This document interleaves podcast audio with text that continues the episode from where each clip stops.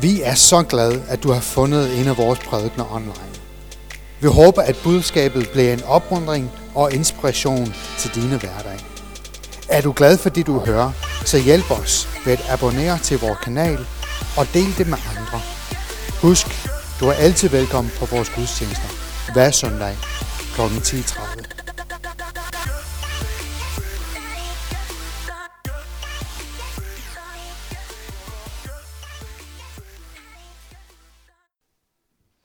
for det, Matt.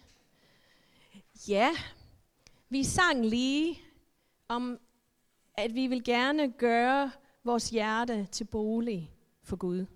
Prøv lige at, at mærke efter det, fordi det, jeg kommer til at tale om i dag, jeg tror, det taler ind i det. Øhm, jeg skal tale om noget, jeg blev inspireret til, fordi øhm, jeg er rigtig glad for det profetisk. Og vi kan se det profetisk i rigtig mange ting. Men den her gang, det følger jeg mig lidt inspireret af en, som hedder Hoseas. Øhm, og han, nu skal I ikke, hvis I kender ham, så skal I bare lige lytte efter. Men han er den profet, som man, øh, som man plejer at hen, henvise til, når man taler om, hvordan Gud bruger et, persons, et menneskes liv til at tale til en gruppe eller til et land, en nation. Så Hoseas, bare for jer, som ikke kender til ham, han var en profet i Israel. Gammel testament, han har sin egen bog, så I kan finde det, hvis I slår det op. Men Gud sagde til ham, at han skulle gifte sig med en prostitueret, fordi han følte, Gud følte, øh, vil sige til Israel, at de har opført sig sådan. og så viser det sig, at hun er ham utro, og så går han alligevel og henter hende tilbage. Det er ligesom Gud siger os. Øhm, til Israel på det tidspunkt. Så han brugte et liv, som blev levet, det kan jo ikke have været nemt for ham, men til at tale til Israel. Og så tænker jeg, at måske bruger han mit liv lige nu til at tale til, til os som menighed. Øh, mit og Hanses liv. Og det tror jeg faktisk på. Fordi sidste år, da vi bad sammen i øh, tjenesteteamet, så følte vi, at Gud bad os om at grave dybere.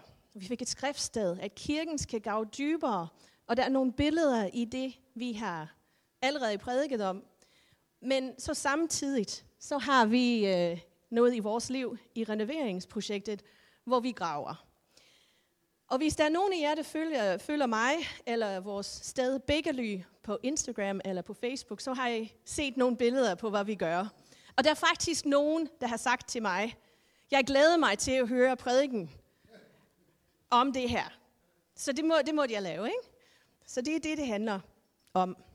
Og jeg tror også, at det lægger op til nogle fremtidige emner, vi har. Så det er, det er lidt en introduktion eller en præsentation af nogle ting, som vi kan bruge senere på året, når vi kommer ind på nogle andre ting, vi har planlagt. Men i dag, det har jeg to hovedpunkter. Det ene er fundament, og det andet er et grav. Så det vil jeg fortælle lidt om her. Hans og jeg graver, og hvorfor det? Matt har sagt lidt om det. Men vi bygger vores stald i, i det, her, det her sted om til et retrætecenter. Og ideen er, at man skal kunne komme og være sammen med Gud. Det handler om hans nærvær. Øh, vi vil gerne have, at Guds nærvær er mærkbart, og hvor man også kan modtage forbøn. Der er mange, der tror, at det er et sted til, til folk med psykiske problemstillinger osv., hvor de kan komme og bo, og det, det er det også. Men det er, det er meningen, at alle skal kunne komme og møde Gud der. Så det er ikke et opholdssted som sådan, men det er et sted, man kan komme en dag eller to, og så tage hjem igen. Øhm, men bygge, byggereglementet, når vi skal lave om, de har nogle regler til os, og de siger, at det skal være 2,5 meter fra gulv til loft. Øhm, men lige nu har vi kun cirka 2,2 meter. Og jeg, jeg kender ikke alle by, byggereglementer, men den her, det er for erhverv. Fordi når vi skal drive det, så er det erhverv. Så jeg ved ikke helt. Og så, så kan man gå to veje. Så kan man enten løfte lofterne, det gør man tit, eller så kan man grave dybere. Men vi har de der fine buede lofter, og jeg kan ikke udtale det, det egentlig hedder, men de er buede, ikke også? øhm, så det vil vi ikke ødelægge. Selvom vi har plads til at gå opad, så har vi valgt, at vi vil grave for at bygge højere til loftet. Og det tror jeg, der er budskab i det, bare generelt. Det kan vi lige mærke, mens øh, vi kigger på billedet af Hans, som viser, han står nede i et hul egentlig, og viser højt til loftet. Så er det højt til loftet i dit liv? Er det højt til loftet i kirken? Men det vi har gjort så, er, vi har brækket gulvet op. Og det, det var det første skridt. Og det har vi brugt maskiner til. Det er Hans på en maskine.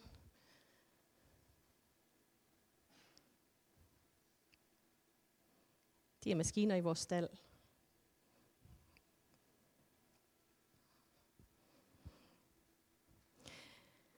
Og så når vi har brækket gulvet op, så kan vi jo grave, ind under, altså grave ned og så lægge et gulv, ikke også?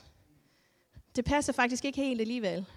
Fordi der er også nogle andre byggeregler regler omkring det. Og det siger, at soklen på et hus, det skal være ned på en dybde på mindst 1 meter under terrænen.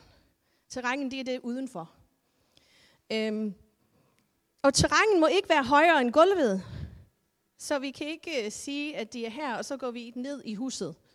Øhm, så, så det betyder, at soklen på vores hus, som havde de loftet, den havde før, den, har ikke, den går ikke dybt nok.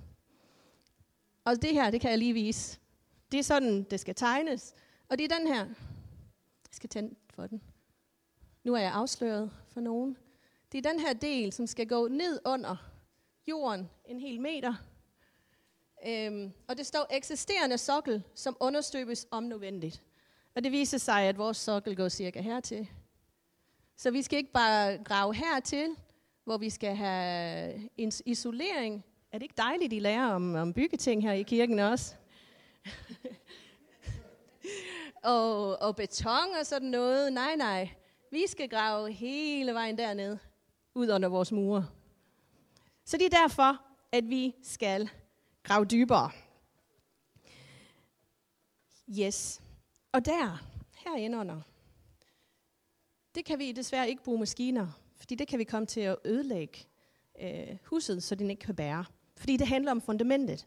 Så det er det første punkt, de, de her de er forklaring på, hvorfor vi gør, hvad vi gør, så, så I ikke sidder og tænker, hvorfor? Hvorfor gør I ikke bare? Og det kan godt være, at I har nogle gode idéer, men øh, ja, det er den her vej, vi gør. Hvorfor siger byggereglementet det? Så er det sådan, at et fundament, det er noget særligt. Og det har jeg en slide om. et fundament, øh, hvis man slår det op på Google, så står der her, at de er den nederste del af huset, der afgrænser huset fra jorden under det. Den del af fundamentet, der stikker ud af jorden, det er den, der hedder en sokkel, selvom man siger, at man skal understøbe soklen. Det er faktisk fundamentet, det hele. Og det, som er under jorden, det er fundament, og det, som er over jorden, det hedder sokkel. Så, ja. Men det er en, opgaven er at bære husets vægt. De bærende, altså bærende betyder den her vej, og stabiliserende betyder den her vej i huset. Så fundamentet skal være i orden. Det er det, de har lært efter årene, og det er derfor, de laver byggereglementer fra det, man har lært, hvordan det skal være. Og det er for, at huset ikke synker sammen. Sætningsskader kommer, når fundamentet falder. Så når, når vi vil øh, bygge højere til loftet og mere på vores hus, så skal vi sikre os, at det ikke sænker sammen samtidig. Og i kirken, det bruger vi jo fundament som et billede. Så vores liv lige nu, mens vi lærer om fundament og så videre, øhm, det giver et billede til os i kirken. Så ligesom Gud brugte Hoseas til at kommunikere med dem, så, så tror jeg, at Gud kan bruge de her billeder til at kommunikere med os som menighed om hvorfor, øh, eller nogle af de ting omkring hvordan og hvorfor vi graver nu. Hvad er det, Gud vil med os i år? Øhm, for os, som følger Jesus, så betyder fundamentet noget, som vi baserer vores liv på. Fundamentet for vores tro, kalder vi det for. Øhm, det er de ting, vi står på i vores tro. Vi bygger vores liv på. Og det er faktisk et af de emner, der kommer lige om lidt, de er ståsteder. Så når vi begynder at tale om de ståsteder, vi kommer til, så kan I også tænke på de her billeder. Det kan være forståelsesrammer. Hvad er det, vi tror? Altså, hvordan forstår vi Gud? Hvordan forstår vi os selv? Og så videre. Men det kan også være vores livsstil. Hvordan, hvad betyder det at være kristen i den måde, vi fører vores liv? Eller vores handlinger? Jeg mener, Gud har sagt det her, så gør jeg sådan. Så det er det, vi tror på, det vi, vi tænker er vores grund til tro. Og så skal man jo have nogle bibelvers med, ikke? Det er jo ikke alle, der nødvendigvis kender de her bibelvers, så det er også rigtig vigtigt, at, øh, at jeg lige siger den. Det første er et, et, et, øh, nogle bibelvers omkring et hjørnesten. Er det ikke en øh, før det? Nå. Jo, okay. Jo, den der. Jesus som hjørnesten. Isaias 28, 16, det er når man fortalt om Jesus snart kom. Altså det, det var alligevel mange år før. Men de forklarede, en profet sagde, men hør, hvad Gud Herren siger. Se, jeg lægges på Seons bjerg, et udvalgt og dyrebare hjørnesten. Den bruges i et nyt og solidt fundament, og de, der tror på ham, vil ikke blive skuffet. Det er det her, i gamle dage, rigtig gamle dage, så byggede man, som man nævnte, en stor øh, sten. Det hed et hjørnesten, og det, det havde et par forskellige betydninger.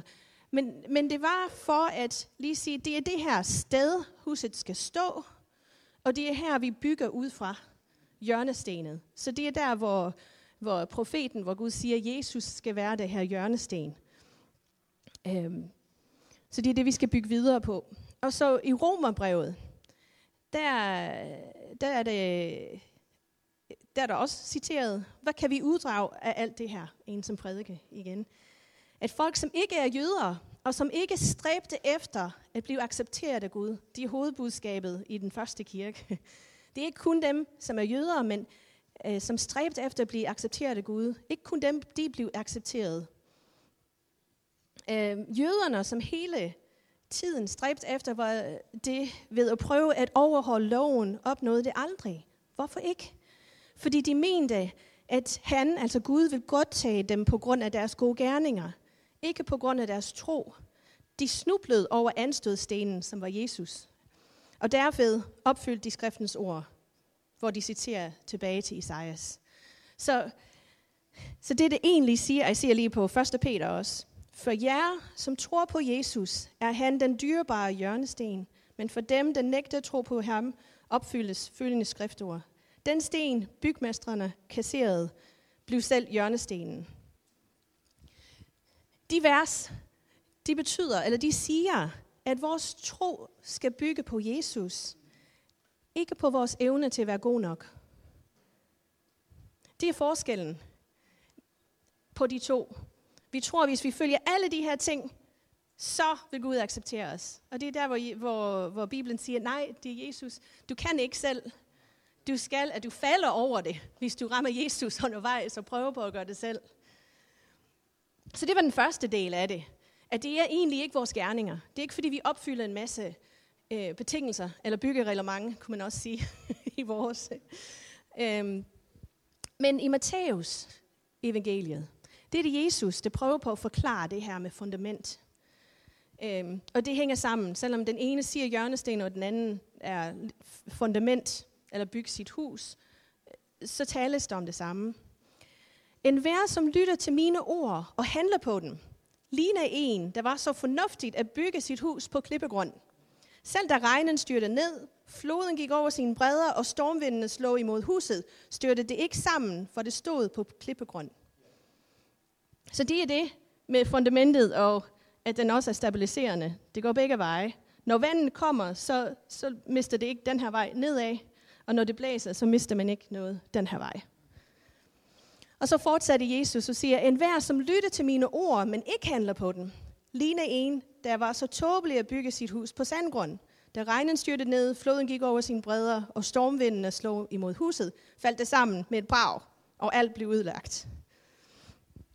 Så her, der er stadigvæk lidt, man skal gøre, men de er i respons til det, som man opdager i Guds ord. Det er det, som i respons til det, som Gud har sagt til dig og din relation til Gud, som er fundament. Her er det en hver, som lytter til mine ord og handler på dem. Og det er der, hvor vi taler om fundament. Det er både det, vi tror på, og den måde, vi lever på.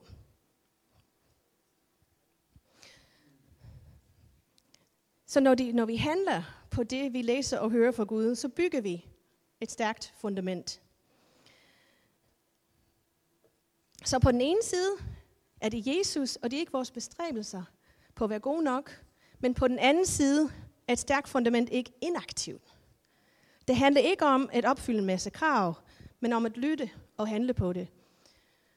Og der siger Jesus, der har jeg et billede. Ja, elsk mig. Hvis du elsker mig, vil I gøre det, jeg beder jer om. Og det, jeg kan lide ved det her billede, det er, at det er noget Gud, eller Jesus måske siger til os over en kop kaffe.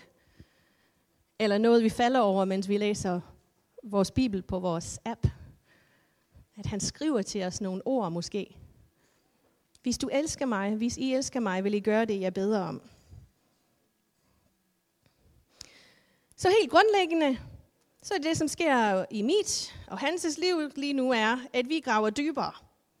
Og så får vi så mange billeder på det her fundament, og hvad det betyder at prøve at, at bygge en stærkere fundament egentlig. Øhm, og de er i det naturligt, så er det, fordi vi skal bygge et fundament på det retrætecenter, vi føler Gud kalder os til.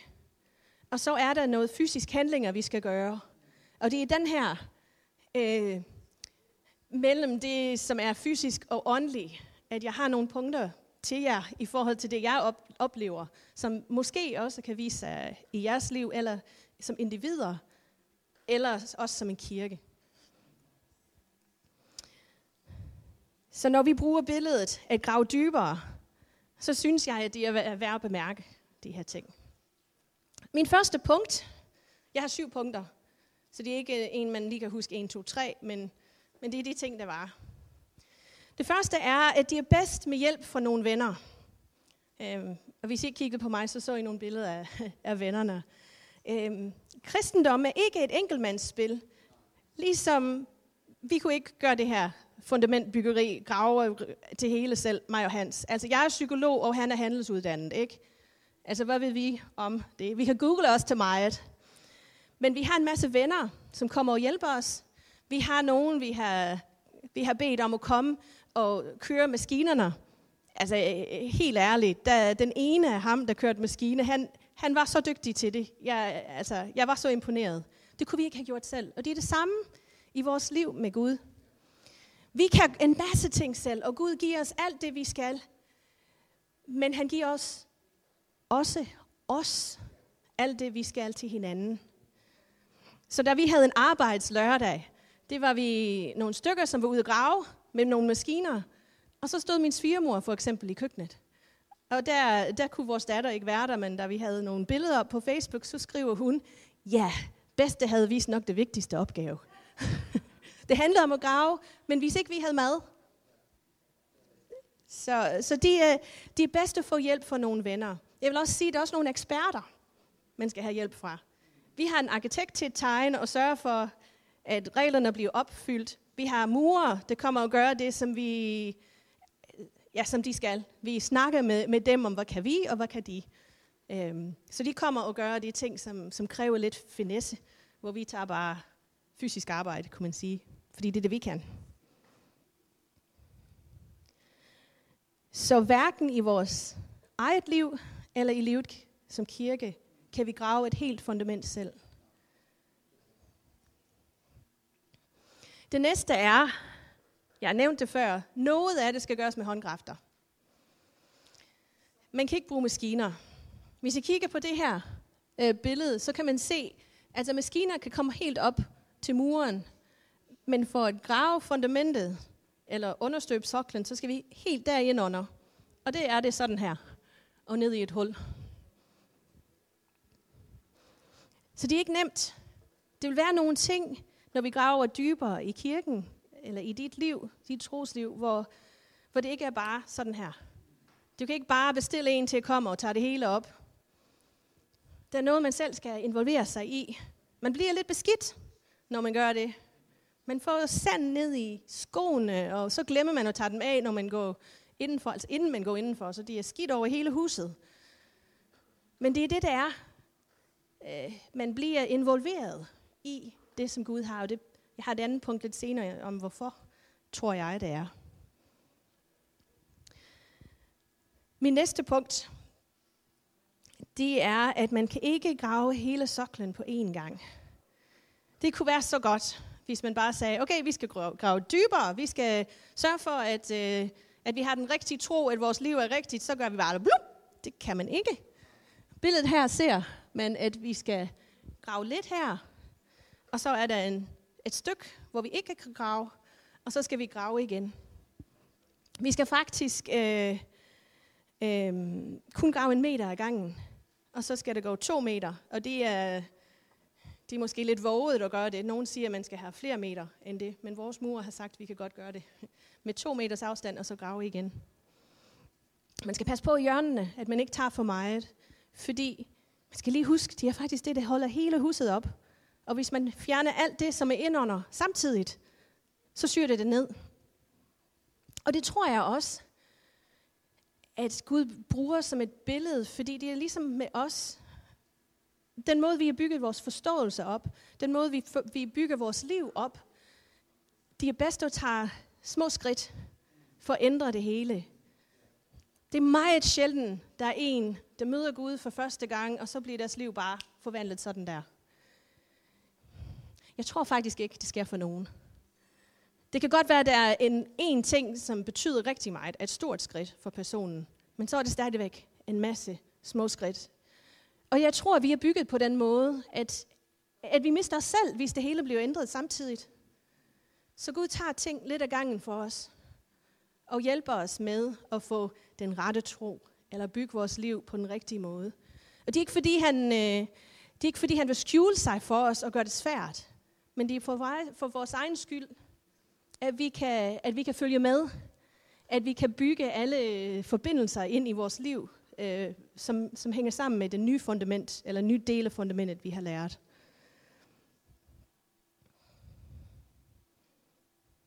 Og det, der sker, når man tager én ting ad gangen, så er det, hedder det også at fordybe sig. Ikke? Så han gør noget, hvor han tager os dybt ned i et emne eller noget, og så lærer man rigtig meget om det. Og det kan faktisk overskygge anden i vores trosliv. Altså for eksempel, vi kan se i bevægelserne, ej, det skal jeg lige passe lidt på med at sige, øh, der er bevægelser i, i kirketiden, hvor man for eksempel blev meget optaget af øh, retfærdighed. At man blev rigtig optaget af, øh, at vi er retfærdige kun ved Kristus. Og så, så betyder det ikke så meget, hvad man selv har gjort. Og så fokuserer man rigtig meget på én ting, og så mister man måske den anden del, det handler om, når jeg, når jeg giver reaktion eller respons til Gud, så handlede det om mit livsstil også. Sammen med, da øh, vi genopdagede Helligånden, så blev det rigtig meget med åndsudgydelse og rigtig meget omkring det. Og så glemte man måske lidt at undervise i Guds ord. Og så kom der øh, noget med det. Og så er det vigtigt, også i vores eget liv, når vi siger, okay, nu har Gud lært mig om det her, og så tænke, okay, men det er ikke det eneste. Det er rigtig godt at gå dybt og fordybe sig i noget. Men der kommer også en tid, hvor man skal sige, okay, nu er det afsluttet. og så er der måske noget andet, Gud tager på et tidspunkt. Og så er det sjove med, at, vores, at vi graver øh, dybt, så er det faktisk ikke os selv, der fylder det op. Vi graver den her hul, og man, det kan man også bruge som et billede. Når vi tager lidt af gangen, så kommer muren og fylder op efterfølgende. Så det er først, når Gud kommer med Helligånden og fylder op i det, vi har gravet, at vi virkelig kan mærke forskellen. Og det er der, vi også tænker i den første del af vores serie med det levende vand. Nu er det beton, vi fylder op med, men øh, i vores trosliv, så tænker vi, det er det levende vand. Det er Guds livet med Gud. Min næste punkt, når vi nu graver så mange forskellige huller, selvom det er det samme sted, og det samme fundament, vi graver på, altså hver hul er forskellig. De første huller, vi gravede, det var der en masse sand i. Øhm, Det var rigtig dejligt. Så kan man bare... Nu skal jeg lige vise jer, hvordan det ser ud, når man graver i sand.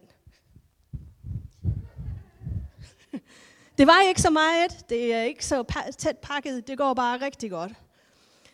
Men så kom vi hen til nogle andre huller. En anden del af det, af huset, eller af, af soklen. Og det var lidt grus. Nogle steder var det sten. Ved I godt, at hvis man gør sådan her på et sten, at der, det giver gnister? Det gør det. I hvert fald, når jeg gør det. Øhm, så, så kræver det forskellige redskaber i de forskellige huller. Så når jeg, når jeg mødte lærer, så skulle jeg, jeg kunne ikke grave med, øh, med den store mere. Den ville ikke rigtig tage fat. Så jeg var ind med en lille spade, ligesom den der, og så banke lidt på den.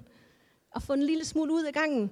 Så jeg, jeg kravlede helt ind under, og sådan var ned i hullet, ikke også? Og så skulle jeg skrabe. Oh.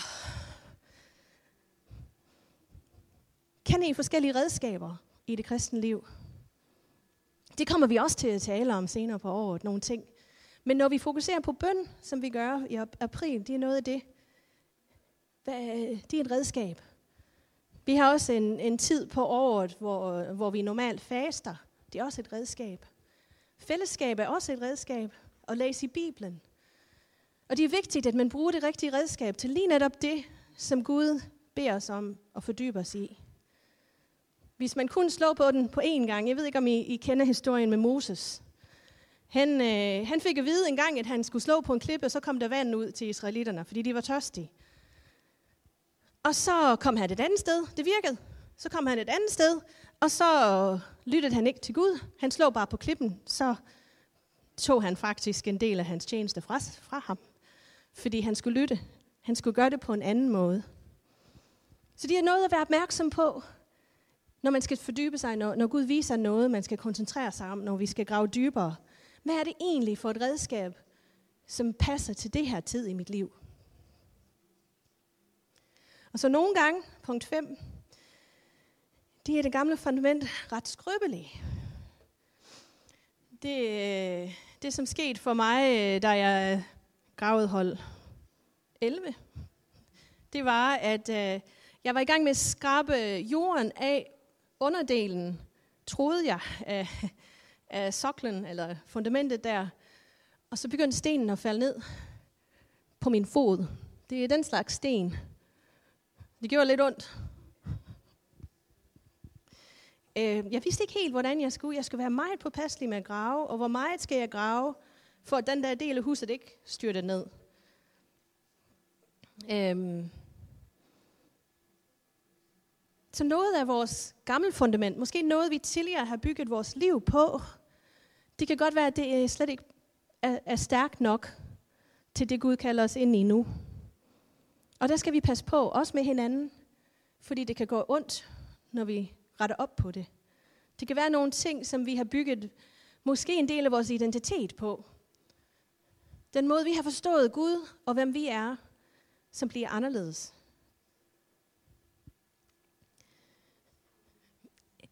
Der var et tidspunkt i mit liv, øh, jeg havde ikke regnet med at dele det her, men øh, jeg har bedt for syg, og jeg beder stadigvæk for syg, det er ikke det. Øh, men min egen søn blev syg med kræft. Og hele det der forløb omkring, hvad betyder min tro så? Hvad er det, jeg bygger min bøn på, når jeg beder for folk? Når jeg mistet min søn til kraft? Gud har brugt det til at ændre på fundamentet, hvor jeg, jeg beder på en anden måde nu. Så det der skrøbelige fundament, det kan være, når den skal ændres, det kan godt gå ondt. Og det skal vi tage hensyn til hinanden i processen. Og ikke bare overrumple hinanden, og heller ikke os selv, og fordømme os selv i den proces. Og det næste punkt, det er, mig, det er et billede af mig på, på hul 8, som øh, den var rigtig svær. Det kræver disciplin. Det var ikke skrøbeligt, det var det modsat. Jeg kunne næsten ikke komme ind. Det der, hvor jeg virkelig skulle bruge alle redskaberne. Men der tænkte jeg, ej, det gider, gider jeg ikke mere. Nu stopper jeg. Men det dur jo ikke. det kræver disciplin og at blive ved. Og nogle gange i det der disciplin, så trak jeg mig lige og sagde, okay, så tager vi det bare lidt i gangen. Ikke også? Fordi det der, åh, min energi, og sådan, som jeg gerne vil, det var jeg nødt til lige at justere, for at min disciplin kunne være der. Jeg havde ikke så høje forventninger til mig selv mere om at kunne nå det hele. Men hvis jeg bare blev ved, lidt efter lidt her, ikke give op, når det er svært. Men da jeg sad der, det tænkte jeg også på. Og så skal jeg også huske i morgen, der skal jeg grave en time eller to, hvad jeg har tid til. Det gør jeg. Fordi jeg skal dybere. Der er en, der er en mening med det også. De er ikke bare for ingenting. Det er fordi, jeg ved, så kan muren komme, og så kan vi komme videre. Så kan vi komme tættere på vores retrætecenter. Men jeg er nødt til at tage de her, nej, øhm, det er ikke fordi, man slet ikke må spille golf. Men i dag skal jeg i hvert fald grave, før jeg spiller golf. Eller i dag har jeg kun energi til den anden, en eller den anden. Så tager jeg disciplinens øh, beslutning der.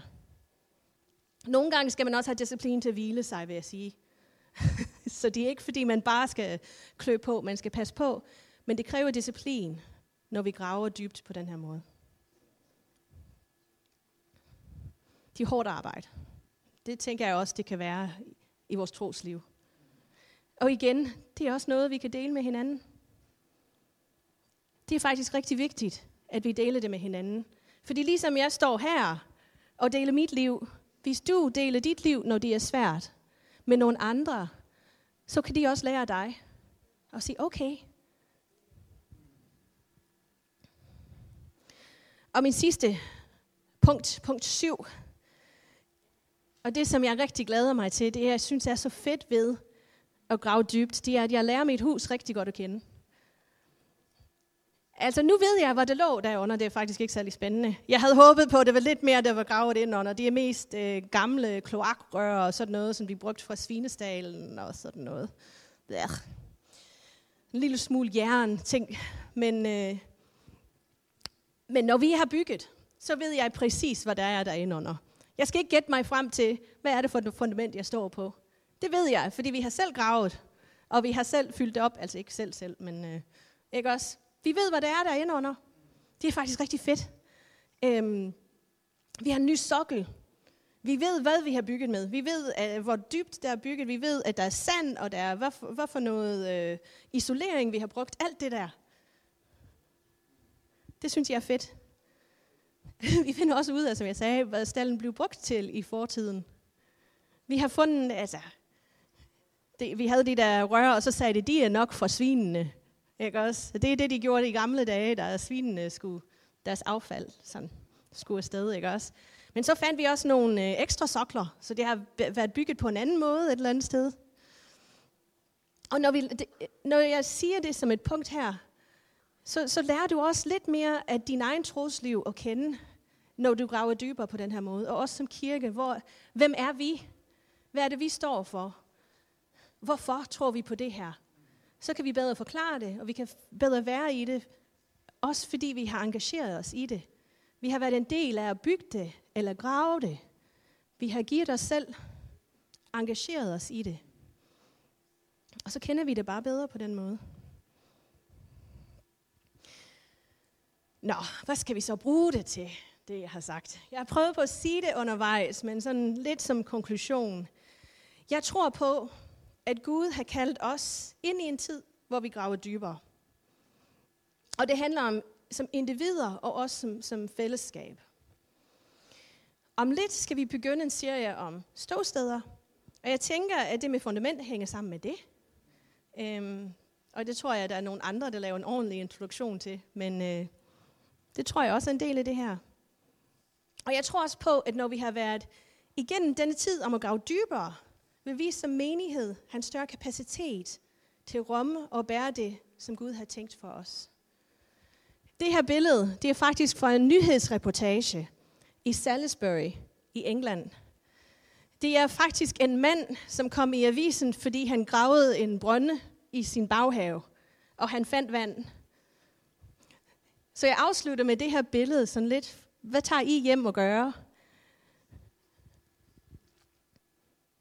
Jeg vil lige sige, Salisbury i England, jeg, jeg, jeg det op i Wikipedia, ikke også?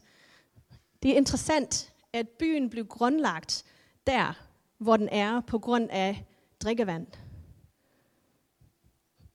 Det, og, og det var ikke, fordi de, de gravede ned, det var, fordi der var god drikkevand i, øh, i det levende vand, det rendende vand omkring øh, bæk og flod og sådan noget. Men det synes jeg, det hang, hang også sammen med det, vi sagde. Så han graver ned i sin baghave for at finde det der gode vand. Ligesom jeg sagde tidligere, er trosforandring både individuelt og fælles. Jeg tror, at Gud laver spejle til os, hvor vi kan se det, han gør i menigheden, og se, hvordan det passer ind i vores liv. Og jeg tror også, han tager os som individer, øh, ligesom Hoseas, og han gør os til spejl for andre.